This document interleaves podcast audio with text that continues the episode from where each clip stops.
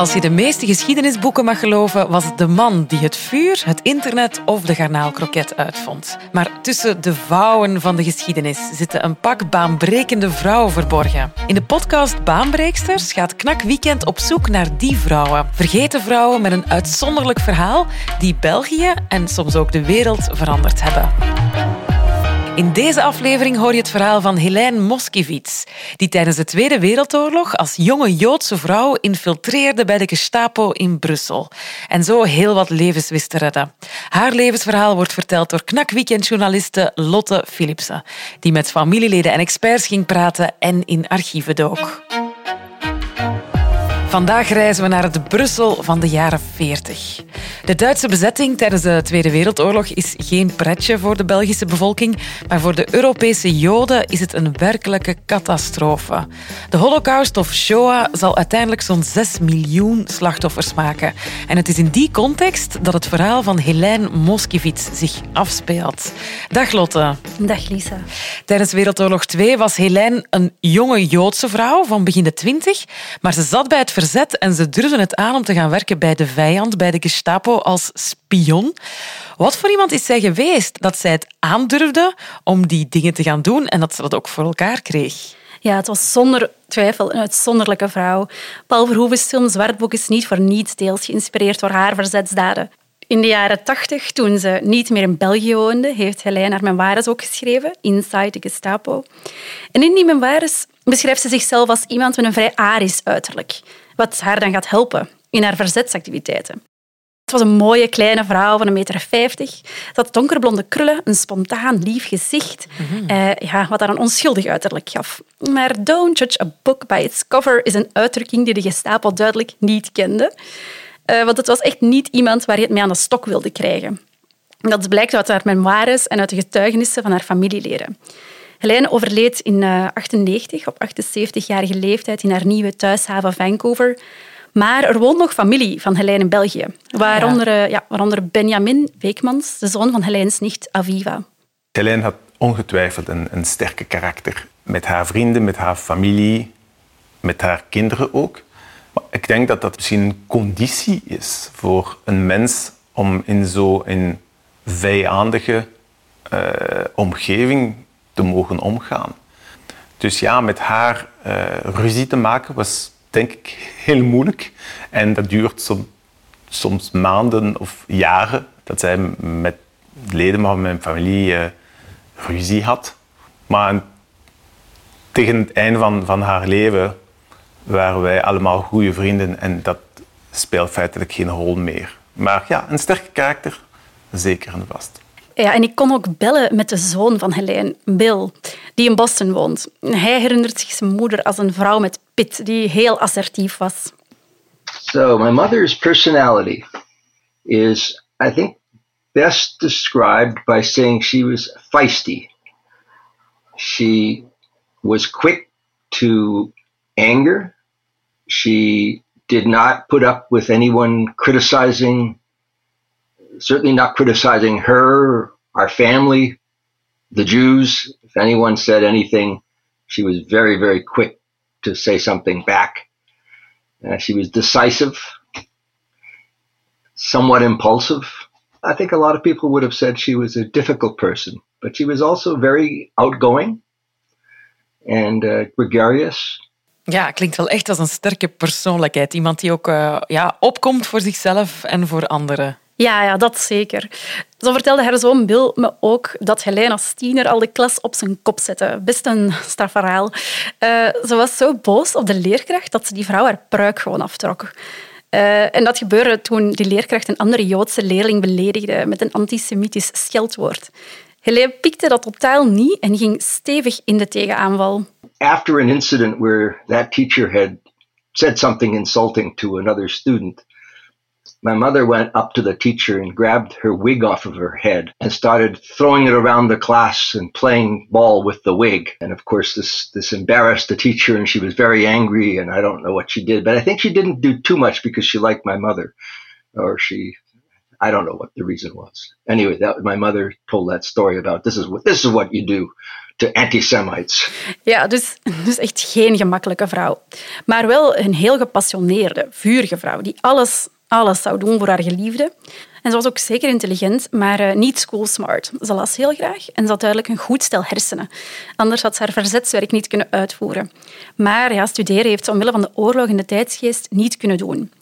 Daarnaast had ze ook artistieke interesses. Ze zong en danste heel graag. En ze was een hele grote fan van Isadora Duncan, die beroemde danseres. En als kind had ze ook les gekregen naar het schijnt van een bekende operazanger Joseph Smith, toen hij in België woonde.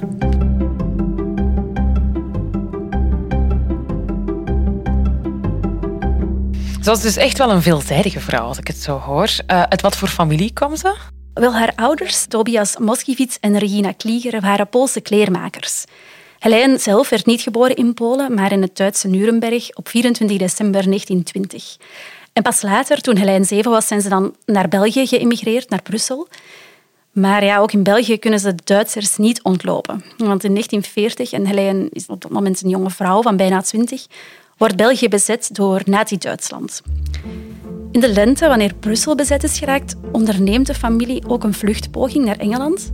Op een hele warme dag, echt geen prettige tocht in rubberen laarzen, al hun hebben en houden op de rug gestapeld. En dan komen ze ook nog eens niet ver, want de brug over het kanaal in Willebroek is opgeblazen. Zie, dat is dan helemaal in het begin van de oorlog nog? Ja, het was op dat moment voor veel mensen echt nog niet duidelijk hoe ernstig het toen allemaal was. Ook voor Helene niet. En binnen het gezin was er discussie of vertrekken wel de juiste beslissing was. De moeder wilde gaan, vader wilde liever blijven. En uiteindelijk verneemt de familie dat alle uitgangswegen zijn gebarricadeerd of opgeblazen, dus ze moeten wel terug naar huis keren. En op dat moment, ja, de Belgische burgers zijn op dat moment ook helemaal nog niet zo bezorgd, omdat de Duitsers zich nog een beetje inhielden en de burgers werden op het verkeerde been gezet. Maar stilaan toonden ze wel hun ware aard. Nog voor het eind van de zomer zelfs legden ze hun kaarten al op tafel. Mannen worden ook opgeroepen om te gaan werken in Duitsland. Ook vader Tobias krijgt een oproep. Eh, maar via een vriend kunnen ze gelukkig een zwak hart faken, waardoor hij bij het medische onderzoek wordt afgekeurd. Daarnaast verbieden de Duitsers ook om naar vreemde radiostations te luisteren. Dat is een maatregel om dan te vermijden dat de burgers naar de BBC zouden luisteren.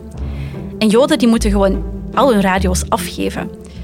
Wanneer Helene samen met haar oudere zus Amalia hun radio gaat binnenbrengen, dan pleegt ze haar eerste daad van verzet. Ze gooit dat in gewoon op de grond. Hola. Ja, zo gezegd omdat ze te moe is om het nog vast te houden. En dat was echt wel lef hebben, want ja, op dat moment pakten de Duitsers voor minder mensen op, een zeker Joden. Maar ze komt er mee weg uh, door te wijzen naar een poster waarop staat dat ze de radio's niet mogen neerzetten en te doen alsof ze gewoon heel braafjes de bevelen wilden opvolgen. Vervolgens koopt uh, vader Tobias ook wel een nieuwe radio, zodat ze stiekem toch naar de BBC kunnen blijven luisteren. Ah, oké. Maar Helijn wist dus nog niet, net zoals heel veel andere Brusselaars, hoe ernstig het gesteld was in het begin. Hoe komt Helijn dan uiteindelijk bij het verzet terecht? Ja, hiervoor moeten we nog even terug in de tijd. Want uh, in 1937 ontmoet Helijn de Belgische officier François in de bibliotheek. En ze worden vrienden, ze gaan eh, geregeld samen uit. Maar op een bepaald punt verdwijnt François.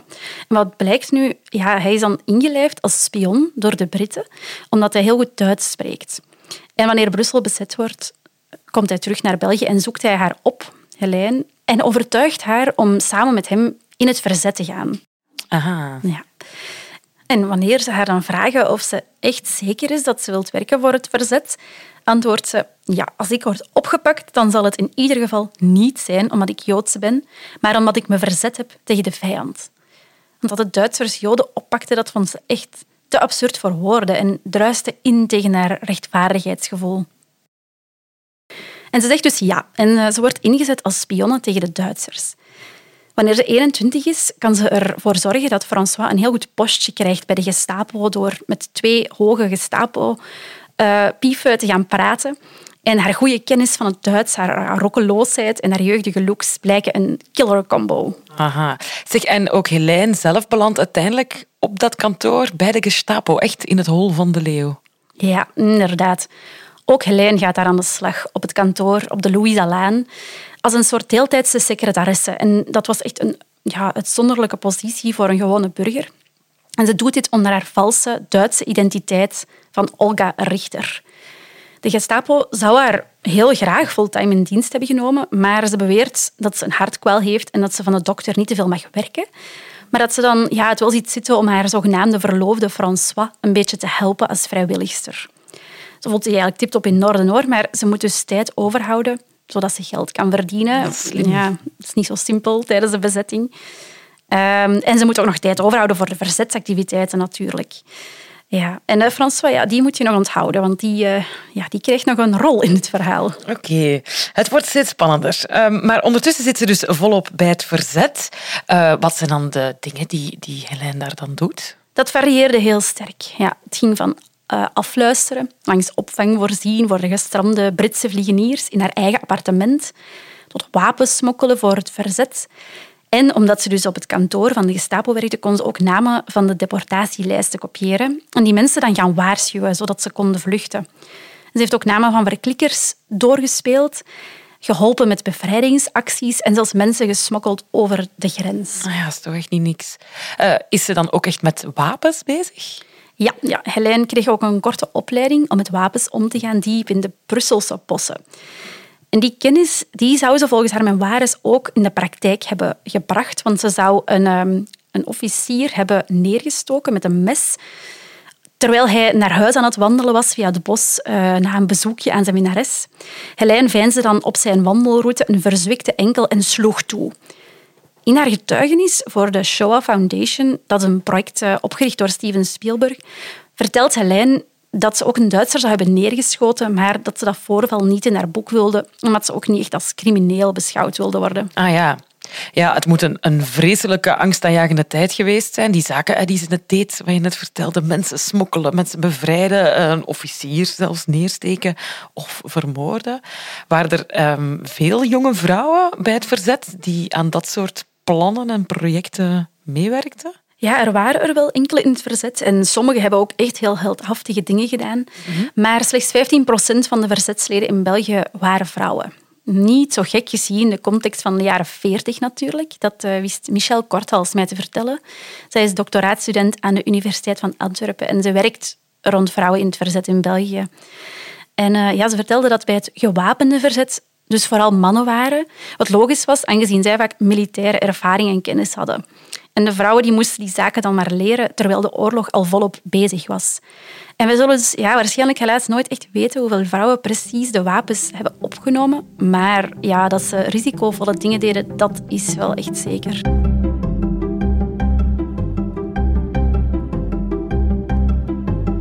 Oké, okay, maar Helene zit dus bij het verzet. Ze werkt undercover op het kantoor van de Gestapo.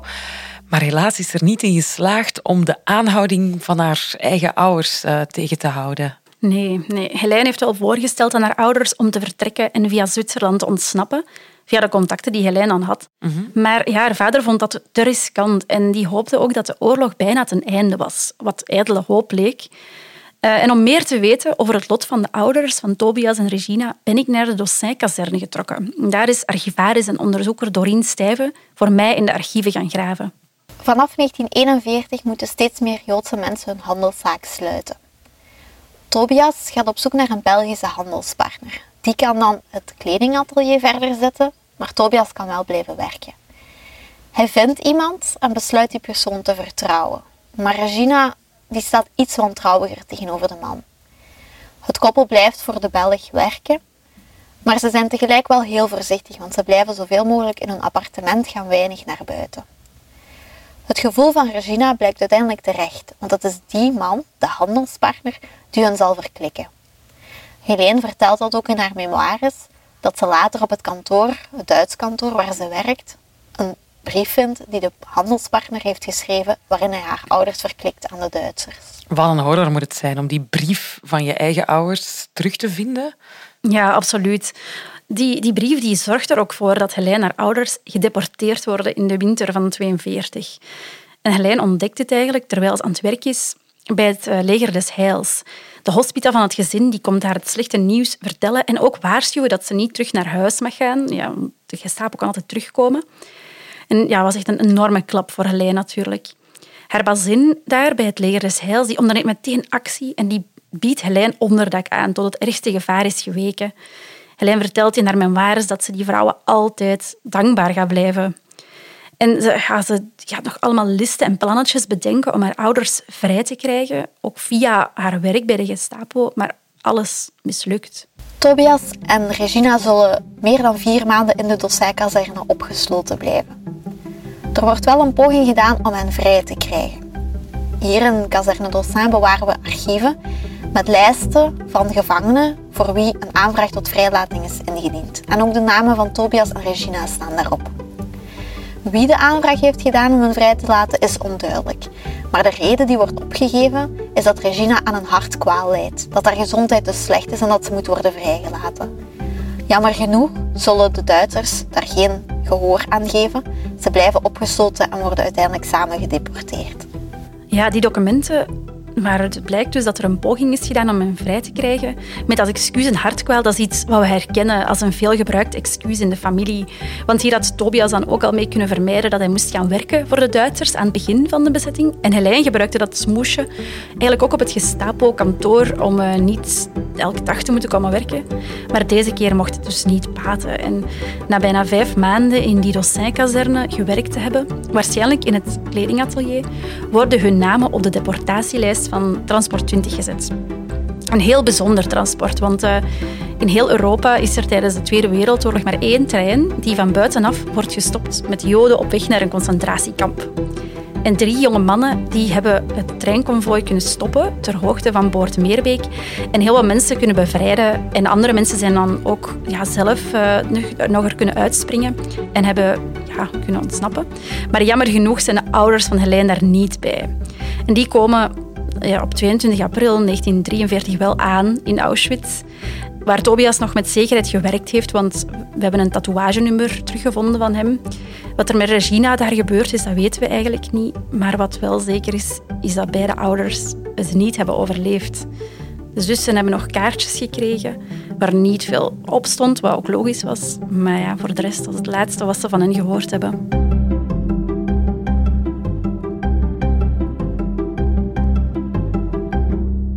Helene is uh, tijdens de oorlog ook getrouwd, maar ook die man heeft ze helaas niet kunnen redden. Ja, klopt. Ja, ook het lot van haar eerste man konden we terugvinden in de memoires in, in de Dossin-kazerne met de hulp van Doreen. Op 1 augustus 1942 trouwt Helene met Abraham Abelef, die ze eigenlijk Albert noemt. De twee komen uit bevriende families, dus ze kennen elkaar al een hele poos. Volgens haar memoires is Helene niet verliefd op Albert, maar Helene's moeder Regina dringt aan op een huwelijk. Ze denkt dat Albert een goede indruk en invloed zal hebben op Helene. Op het moment dat ze trouwen, op 1 augustus, heeft Abraham al een oproep ontvangen om zich te melden in de Dossijkazerne. Hij is opgeroepen om te gaan werken. Bestemming onbekend. Ja, dus hoewel het een uh, mariage blanc was, omdat Albert een Belgische Jood was en Regina dan hoopte dat haar dochter beschermd zou zijn, was dat toch een gigantische klap toen hij naar Auschwitz werd afgevoerd. Want ja, het was een jeugdvriend van Helene en dat betekende heel wat meer dan gewoon een willekeurige partner voor een schijnhuwelijk. De laatste boodschap die dat ze van hem krijgt, komt via een kaartje waarop staat: Lieve Helene, ik had naar je moeten luisteren en ik hoop je gauw terug te zien. Ja, ze schrijft dat dat um, haar echt wel brak, maar dat het ook haar vastberadenheid om de bezetter ten val te brengen alleen maar heeft versterkt. Zeg, en is ze ooit uh, zelf ontdekt geweest? Nee, nee, maar het heeft wel echt een paar keer geen haar gescheeld. Ook omdat ze zelf nogal impulsief was. Ze herhaalt keer op keer dat ze superveel geluk heeft gehad. En ze had bijvoorbeeld wel een Belgisch paspoort, een vals Belgisch paspoort, dankzij een jeugdvriendin. En dat heeft ze amper moeten gebruiken. Maar eh, ja, op kantoor was er wel eens uh, ja, een voorval. Er was um, een Joodse verklikker, Le Jacques, die als collaborateur werkte in Brussel. Hij is een, eh, echt een berucht figuur, omdat hij Joden aanwees, opspoorde en aanhield. En één keer heeft hij ook Helene aangewezen in de kantoren op de Louisa-laan, waar Helene werkte. En hij zei, jij, jij bent een Jodin ja, haar hart stokte natuurlijk helemaal in haar keel. En, maar gelukkig, de Duitsers die daar ook werkten, die vertrouwden haar zo erg dat ze dan zeiden nee, nee, Jacques, je vergist je. Dit is echt wel een loyaal Duits meisje dat ons helpt. En Jacques moest afdruipen. En verder beschrijft Helene ook wat voor zwijnen die Gestapo-lieden waren, op verschillende vlakken. Niet alleen ging ze super ver in het opsporen van de mensen, ze zetten ook kinderen op de lijsten en in hun kantoren verkrachten ze vrouwen. Dus echt een wonder dat ze uit hun klauwen is kunnen blijven. Mm. Ja, werken in het hol van de leeuw was waarschijnlijk niet alleen gevaarlijk omwille van de kans om betrapt te worden door de Duitsers, maar toch ook omdat het, het gebouw een doelwit zou kunnen zijn voor de geallieerden. Ja, ja, dat klopt. Helene was altijd heel voorzichtig bij het betreden van het gebouw op de Louise Alain, want ze wilde niet gespot worden door kennissen die dan de foute indruk konden krijgen. Ja, en zoals je al zei, het gebouw waar de Gestapo werkte was ook een doelwit van de tegenstanders. Helene was daar bijvoorbeeld toevallig aanwezig in het kantoor toen een Belgische piloot vanuit Engeland naar Brussel vloog en er op klaarlichte dag het gebouw doorzeefde. Met kogels, en ja, een riskante verzetsdaad, waarbij verschillende hoge gestapelpieven gedood of gewond werden. Maar Helene gelukkig die goed gemikte aanval toch wel overleefde. Van geluk gesproken. Absoluut. Het was echt een kwestie van niet op het foute moment op de foute plaats te zijn. Ja, en ook hopen hè, dat de mensen die van je spionnenwerk weten dat die te vertrouwen zijn, wat in het geval van François, die jeugdvriend, ja, niet het geval bleek. Ah ja. Ja. Ja, ja. Haar oude vriend François, dat bleek dus een dubbel spion. Op een bepaald punt is hij verdwenen met de Noorderzon en toen bleek dan dat hij dubbel spel had gepleegd om zijn eigen hachje te redden en heel veel geld te stelen. Ze kunnen hem uiteindelijk wel arresteren. Maar uh, ja, het blijkt dan dus dat hij um, François genoeg geld had gekregen en voedselbonnen via de Britse inlichtingendienst, zodat ook Helene niet echt moest werken voor haar brood. En heeft dat allemaal zelf bijgehouden. Ja.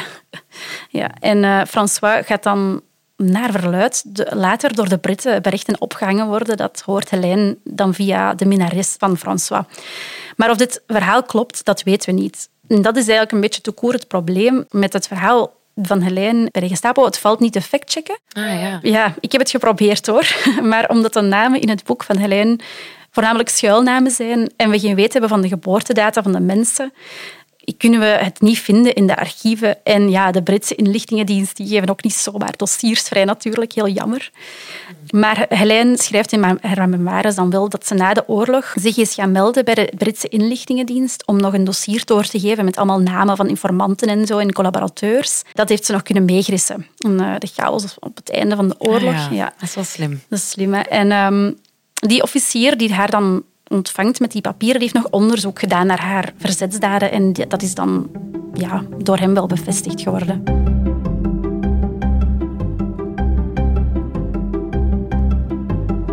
Ja, ze blijft ook wel echt alles doen wat ze kan, hè? precies, tot de laatste dagen van de oorlog. Of zelfs daarna nog. Um, hoe, hoe, is het met haar erna gegaan, na de bevrijding? Want ze is haar ouders verloren, uh, haar man is, uh, is ze verloren. Dat kan niet simpel geweest zijn. Nee, inderdaad. Na de bevrijding volgde een hele moeilijke periode. Het was voor de overlevers echt het moment om dan te gaan ontdekken wie het wel of niet gehaald had. En gelukkig voor Helene heeft haar zus Amalia en diens echtgenoot die hebben het wel gehaald. En Helene herkent bij de overlevenden nog enkele andere familieleden en vrienden, maar dus ja, haar ouders en eerste echtgenoot niet. Uh, maar ja, gelukkig, uh, in die chaotische periode erna gebeurt er ook wel iets moois voor Helene. Want ze gaat dan werken in de kantine van de Britse soldaten. En daar zal ze haar toekomstige man uh, ontmoeten, een Brit in Albert. En ja, ze worden verliefd. Aha, dus van de stress van het spionnenwerk naar een normaal leven een beetje van een jonge vrouw hè, met een, nieuwe geliefde, zoiets. Ja, ja, inderdaad. Ja, ze is wel nog gevraagd hoor, door de Britse geheime dienst om dan SS'ers en Gestapo-medewerkers op te sporen. Maar ze sluit het aanbod af. Ze zag het eigenlijk echt niet zitten. Uh, en die keuze voor de liefde, ja, later gaat het ook wel een goede keuze gebleken zijn. Want ze zijn heel hun leven samengebleven, Albert en Helene. Ze zijn samen naar Vancouver geëmigreerd. En in die getuigenisvideo van de Shoah Institution die ik kon inkijken, daar komt Albert ook aan bod. En het is eigenlijk heel schattig. Ze stelt hem dan zo voor van, ah oh ja, hij is al heel oud, maar hij gedraagt zich nog supergoed. En ze heeft zo'n ondeugende twinkeling in haar ogen. En hij, eh, hem wordt ook gevraagd van, vertel eens, oh, wie is je vrouw of voor een vrouw is het? En dat is ook heel hard verwarmend. Um, ze giechelen allebei. En hij zegt van, ja, weet je, ze is niet alleen een historisch figuur, ze is ook mijn vrouw. En ze is echt een meisje dat ik heel graag heb.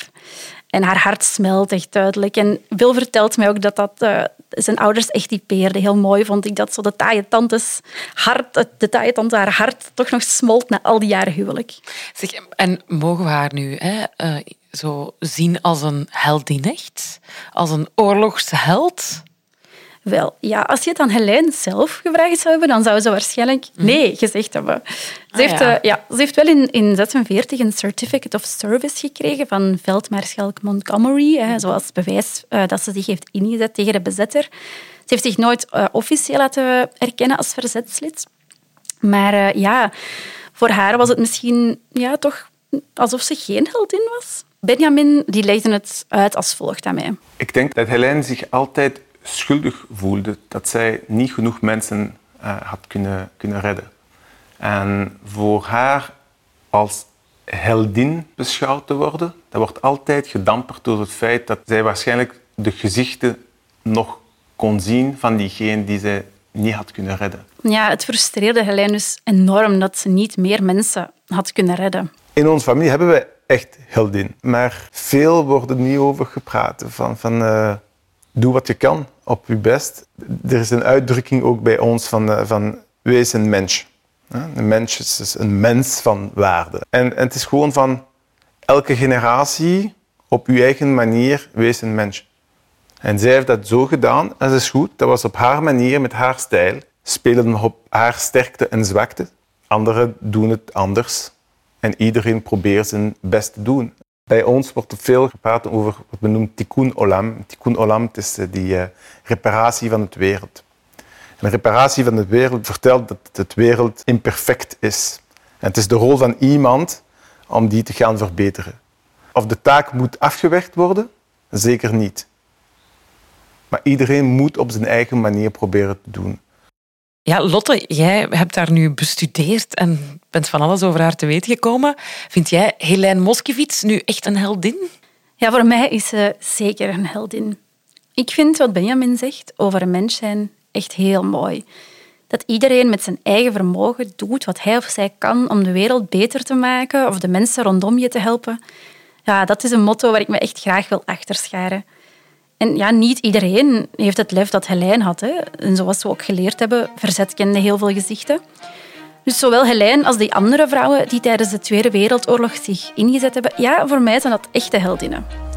Ook al waren ze soms gefrustreerd dat ze niet genoeg gedaan hebben, of ook al hebben ze mensen moeten doden, ze deden wat ze konden. Dit was de laatste aflevering van Baanbreeksters, de podcast van Knak Weekend. Dankjewel voor het luisteren. En vergeet zeker niet al onze verhalen te luisteren over baanbrekende vrouwen hier in de podcast-app.